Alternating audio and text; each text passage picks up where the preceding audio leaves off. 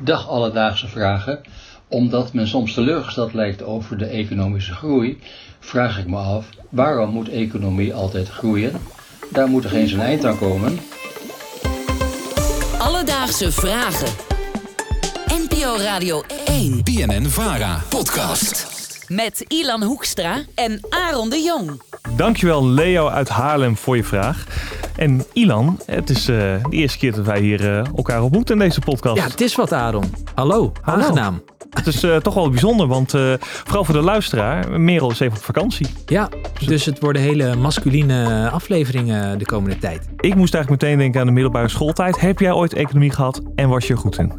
Vraag 1, ja. Vraag 2, nee. Ik vond het, ik vond het nogal ingewikkeld en, en saai. Totdat ik bij BNR Nieuwsradio verslaggever werd en eerste redacteur.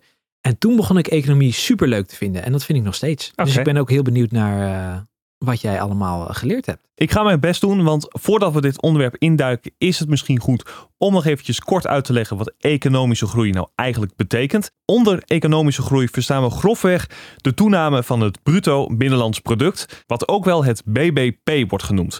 En dit BBP dat stijgt door een toename van de productie en consumptie van goederen en diensten.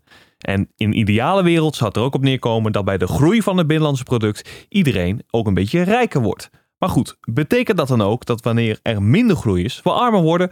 Of valt dat wel mee? Om te checken wat de voor- en tegenargumenten zijn van economische groei, belde ik met Sander Heijnen. Hij is historicus en onderzoeksjournalist en hij heeft zich jarenlang verdiept in het onderwerp economie. Dus Sander, waarom lijken we zo dol op economische groei? Ten eerste, als de wereldbevolking groeit, dan helpt het als de economie groeit. En dan is het ook logisch dat de economie groeit, omdat we allemaal werken. En eh, als je wilt dat iedereen een beetje welvaart erbij krijgt of dat op peil houdt, dan zal die economie moeten groeien met de eh, wereldbevolking, is de gedachte. En wat ook wel belangrijk is, die economische groei heeft ons heel veel gebracht. Hè? Als je kijkt hoe Nederland er bijvoorbeeld in 1945 bij lag, na de oorlog. Hè? Toen lagen de steden in puin, mensen hadden honger, er was enorme werkloosheid. Doordat mensen weer de steden gingen opbouwen, voedsel gingen verbouwen, dat er banen werden gecreëerd, ja, zijn we niet alleen rijker geworden, maar is ook ons welzijn enorm verbeterd. Dus de gedachte dat, dat we allemaal beter worden als een economie groeit, die, die stamt eigenlijk ook uit die periode. We hebben er gewoon heel veel aan te danken. Ja,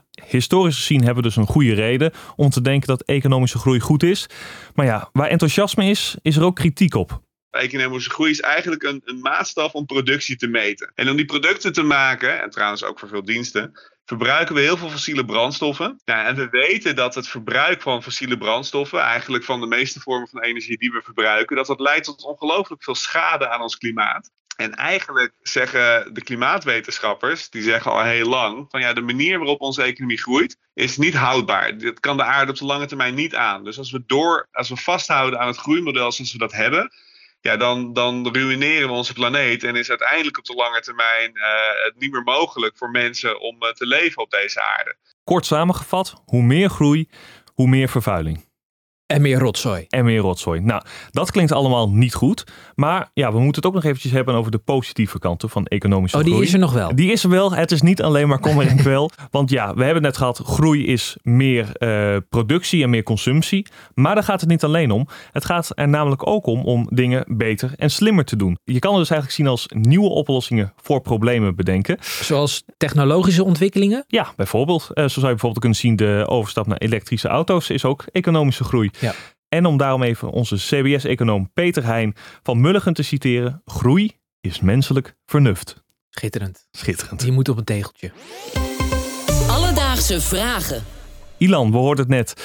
Onze huidige blik op de economische groei is eh, ja, wat sceptischer geworden. En volgens de sommige mensen is het dan ook tijd voor wat nieuws. Het donut-model wordt daarom steeds populairder. Het klinkt heel Amerikaans. En het klinkt heel eh, dikmakend. nou, dat is het niet. Oh. Eh, ten eerste, het is Engels. Het is namelijk bedacht door de econoom Kate Raworth van de Universiteit in Oxford. En het is, eh, ja, wat ik zei, het is best wel in trek. En veel politieke partijen die vonden dat model zo goed dat ze het systeem hebben overgenomen in hun partijprogramma. Bijvoorbeeld de Groenen in België en de Partij voor Dieren in Nederland. Oké. En hoe dit model precies werkt, Dat kan ik wel proberen uit te leggen, maar we hebben net gehoord, ik ben heel slecht in de economie.